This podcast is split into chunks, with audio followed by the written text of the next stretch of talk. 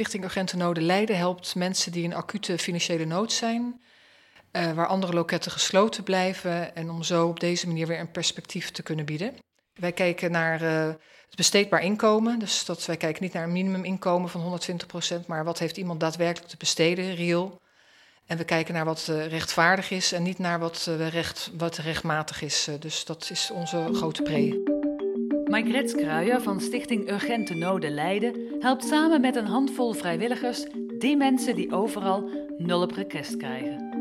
Mensen met lage inkomens, vaak met schulden, die een perspectief nodig hebben. Een duwtje in de rug. Dit is een toegift in de podcastserie Geen rode cent over armoede in Leiden van Andy Clark en Gerry van Bakel. We kijken naar de vaste lasten, of dat reëel is ten opzichte van wat, uh, wat normaal zou moeten zijn.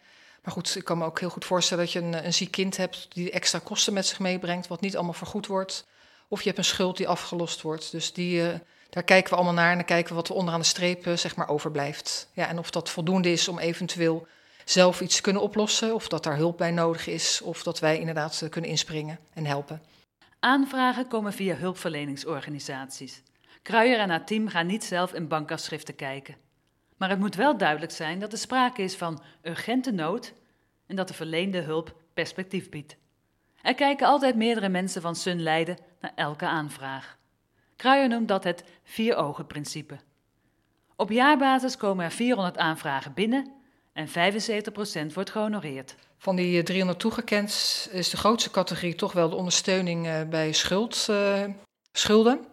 En de tweede is de, de tandartskosten. En de derde is zeg maar de woninginrichting. Dat zijn de grootste categorieën bij ons. Sun Leiden biedt ook hulp bij schulden, zodat iemand niet nog verder in de ellende wegzakt, met steeds hogere boetes voor niet betalen. Maar schuldsanering is niet hun terrein. De schuldsanering zegt bij de Stadsbank, en ik kijk ook wel naar de schulden, en als die dusdanig hoog zijn, uh, sturen ze ook wel eens naar de Stadsbank. Of er moeten andere maatregelen genomen worden, dat je denkt van, goh, moet er niet budgetbeheer, of zijn er niet andere hulpdingen uh, die nodig zijn om dit gezin weer op de rit te krijgen. Dus dat stukje advies of missen we inkomsten, dat geven we ook wel eens aan. En staat er wel in, individuele inkomenstoeslag op. Uh, heeft iemand bijvoorbeeld wel huurtoeslag? Waarom staat dat niet bij de inkomsten? En dan voor Stichting Leergeld uh, verwijzingen, dat doen we ook wel eens voor kinderen met sport en dergelijke. Dus die samenwerking is er zeker. En dat is ook belangrijk om het inkomen ook weer aan te kunnen vullen. Bepaalde voorzieningen nog niet benut zijn of bijzondere bijstand kan ook nog wel eens ingezet worden. En daar wijzen we ook op. Maar dat wil niet zeggen dat ze nu niet helpen. Want vaak als je een aantal andere regelingen moet treffen, duurt dat best wel lang. Dus dan zeggen we, nou, nu kunnen we helpen. Maar het lijkt ons verstandig om toch andere dingen ook nog aan te vragen. Zodat je daar in de toekomst mee vooruit kunt.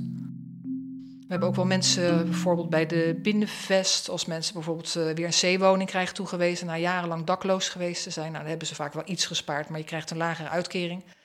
En er moet best wel veel aangeschaft worden. De eerste huur moet betaald worden. En dan helpen wij ook wel eens met de urgente zaken, zoals een uh, wasmachine. Want dat moet je hebben of een koelkast. Dus dan kijken we samen met de hulpverlener van, goh, wat is nu nodig en waar kunnen wij als Sun bij helpen.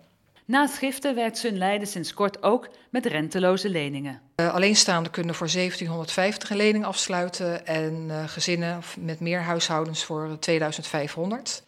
Het is tegen 0% rente, maar met dezelfde doelstelling uh, als we zeg maar, het noodfonds toekennen. Er moet wel een bepaald perspectief in zitten en het moet ergens toe bijdragen. Het gaat vaak wel om uh, schuldeisers die op dit moment zeg maar, afbetaald moeten worden. En waar wel zeg maar, afloscapaciteit in zit. Dus dan uh, proberen we op die manier te helpen. Inmiddels heb ik er wel ongeveer 15 binnengekregen aanvragen. Ik moet toegeven dat er een aantal kwamen uit omliggende gemeenten. Het is eigenlijk alleen maar voor inwoners van Leiden. Een aantal uh, was toch onvoldoende afloscapaciteit. Dat is toch wel vaak lastig voor mensen met een laag inkomen. Daarbij heb ik wel een aantal gevallen geholpen met een gift, zodat er toch een aantal uh, schuldeisers betaald konden worden en niet meer extra incassokosten bij kwamen. En drie heb ik toegekend, waarvan uh, twee zeg maar meer een soort overbrugging. Dat er inkomen, omdat er geen toeslagen waren, het inkomen in de toekomst wel weer voldoende zou zijn. En uh, bij één uh, loopt zeg maar over een periode van maximaal 36 maanden de aflossing. En dat was ook uh, om ervoor te zorgen dat de maand ten inkomsten ten opzichte van de uitgaven voldoende was om in de toekomst vooruit te kunnen. En dat, dat heeft bij allemaal toch wel een bijdrage geleverd dat ik denk dat het Sociaal Leenfonds tot met nu toe ja, positief werkt. Sinds 1 juli heeft Leiden een nieuw armoedebeleid. Meedoen door maatwerk waarbij sociale wijkteams en jeugd- en gezinsteams een eigen budget kregen om hun cliënten ook met financiële bijdragen te kunnen helpen. Maar de generieke maatregel declaratieregeling werd afgeschaft, omdat die niet het beoogde effect had om mensen vooruit te helpen. Merkt Sunleiden iets van die verandering? Het geld wat er weggevallen is, is 210 euro per persoon per jaar, wat je minder kan indienen. Dat werd voor veel uh, doeleinden gebruikt. Uh, we merken er wel wat van. Uh, recent bijvoorbeeld iemand die wilde gaan zwemmen volgend jaar, maar heeft er absoluut geen eigen middelen voor, omdat ze zelf um, nou, die inkomsten door de ziekte en dergelijke allemaal extra uitgaven heeft doordat ze ziek is. En dat zwemmen gaf haar gewoon heel veel extra's, ook lichamelijk en geestelijk, ook maatschappelijk gezien. Daar heeft ze geen financiële middelen voor, dus er werd gevraagd of ze bij ons terecht kon, de maatschappelijke begeleiding. En ik heb aangegeven, nou, dat moeten we inderdaad even bekijken. Maar ik vind het wel heel noodzakelijk. Want ik denk namelijk dat zo iemand met dit kleine bedrag geholpen is om sowieso te kunnen blijven zwemmen. Daarmee haal je eruit een maatschappelijk isolement. Je voorkomt uh, extra hoge kosten zeg maar, in de toekomst als de gezondheidszorg meer beroep zou moeten doen, op beroep op zou moeten doen. Dus dat zijn wel details waar ik denk van ja, daar gaan we met z'n allen. En ze kan geen beroep doen op het uh, maatwerkbudget. Want dat is natuurlijk eigenlijk alleen maar beschikbaar voor mensen die al bij de wijkteams en de JGT-teams bekend zijn. Dus dan mis je eigenlijk al een hele grote groep niet. Die zie je niet. En het is niet de bedoeling dat alle mensen naar de sociale wijkteams gaan. Dat is ook niet uh, te doen voor, voor hen.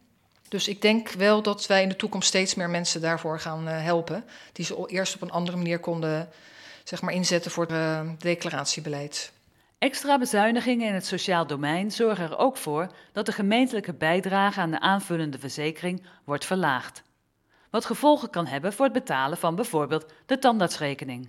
Nou, standaardskosten sowieso, denk ik, een groot probleem. Want het is inderdaad ook een van onze grootste uitgavenposten.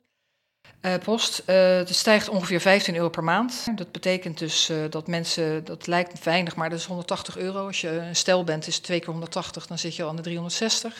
Dat zou één keer de eigen bijdrage zijn, zeg ik altijd. Nou, dat kunnen ze dus nu, uh, gaat het op aan de premie. En ik ben bang dat mensen wellicht gaan kiezen om de top uh, zeg maar te verlagen naar de standaard. In de standaard zit weer minder tandartskosten, minder visio. En dat kan in de praktijk ook weer opleveren dat meer, minder mensen naar de tandarts gaan of minder vaak. Waardoor ze toch weer met allerlei andere problemen dus niet kunnen, geen oplossingen voor hebben.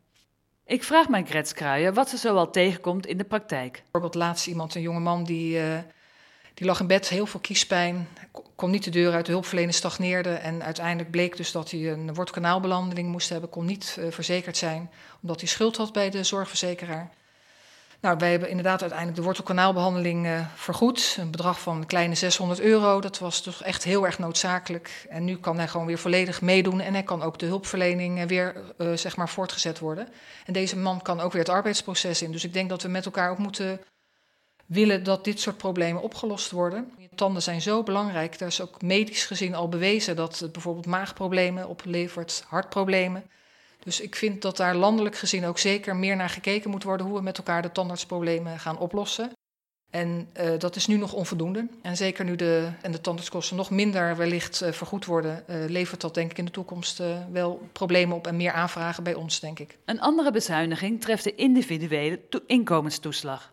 Vanaf 1 januari moet je vijf jaar op 100% van de bijstandsnorm zitten, wil je hiervoor in aanmerking komen.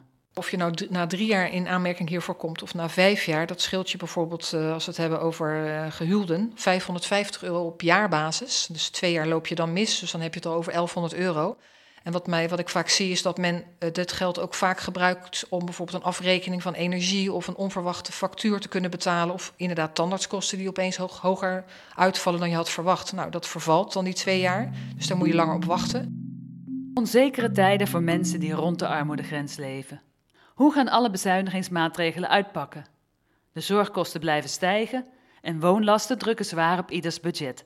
En wat doe je dan als er onverwachts iets misgaat? Sun Leiden kan dan soms uitkomst bieden. We zijn een onderdeel van het armoedebeleid, want als mensen echt nergens meer terecht kunnen, dan, uh, en zeker met veranderingen van het armoedebeleid, dan is het goed om te weten dat Sun uh, daarbij ondersteuning kan bieden op financieel gebied. Een aanvraag voor een gift of een lening bij Sun Leiden loopt altijd via een hulpverleningsorganisatie. Kijk voor meer informatie op de website www.sunleiden.nl. Dit was een toegift in de podcastserie Geen Rode Cent van Andy Clark en Gerry van Bakel. Bedankt voor het luisteren. Deze podcastserie over armoede en lijden is mede mogelijk gemaakt door het Leids Mediafonds en in samenwerking met mediapartner Sleutelstad FM. Kijk voor alle afleveringen op de website sleutelstad.nl en zoek op Geen Rode Cent. Je kunt deze podcast ook terugvinden in je favoriete podcast-app.